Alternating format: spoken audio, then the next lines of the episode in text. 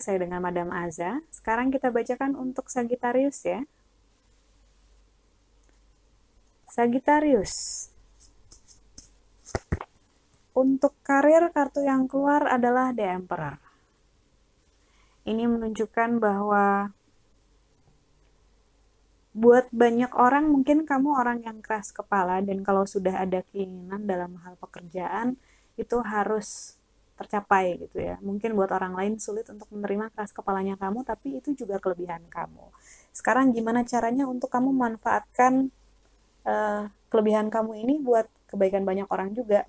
Misalnya teman-teman di kantor ataupun usaha kamu.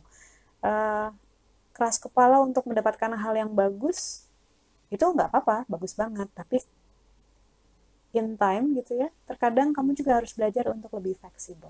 Jangan hanya main seruduk gitu ya nanti banyak yang sakit hati takutnya. Cobalah untuk lebih fleksibel terhadap situasi situasi tertentu di mana tidak harus semuanya sesuai dengan keinginan kamu. Untuk percintaan kartu yang keluar adalah hangman. Katanya akan ada hambatan dalam hal percintaan atau akan ada gangguan gitu ya karena kartu The Hangman ini menunjukkan orang yang digantung terbalik di bawah air. Sudahlah tergantung terbalik di bawah air pula. Ibaratnya nggak bisa ngapa-ngapain tidak berdaya. But it's okay.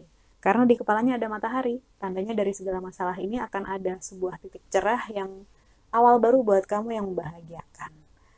Uh, kesulitannya harus diapain madam? Ya kesulitannya diikhlasin aja dijalanin. Bahkan saat kamu sedang terikat pun kamu masih bisa mengamati dan belajar kan dari lingkungan kamu dan terutama dari diri kamu sendiri saat kita berada dalam posisi sulit, kita jadi sadar kita orangnya seperti apa. Jangan pernah menyerah terhadap dirimu sendiri. Kartu yang ketiga, nasihat untuk Sagittarius adalah Hierophant. Kartu Hierophant ini menunjukkan seorang yang megang kitab Torah dan satu tangannya ada di telinga. Ini bicara tentang Pentingnya untuk menambah wawasan dengan cara keluar dari sekat-sekat yang kita buat buat diri kita sendiri. Misalnya nih, nyamannya sama circle A, akhirnya nggak mau main sama circle B, C, D. Nggak ada salahnya dengan rasa nyaman, tapi jangan sampai menghalangi kita untuk berkembang. Dalam arti ya harus lebih mau nerima resiko, sorry, harus belajar untuk lebih mengambil resiko, walaupun masih main aman ya gitu ya.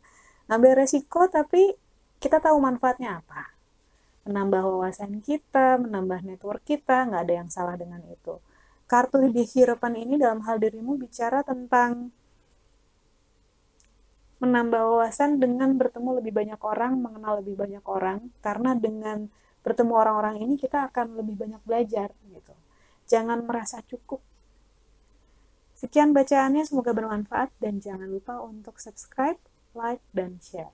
Terima kasih.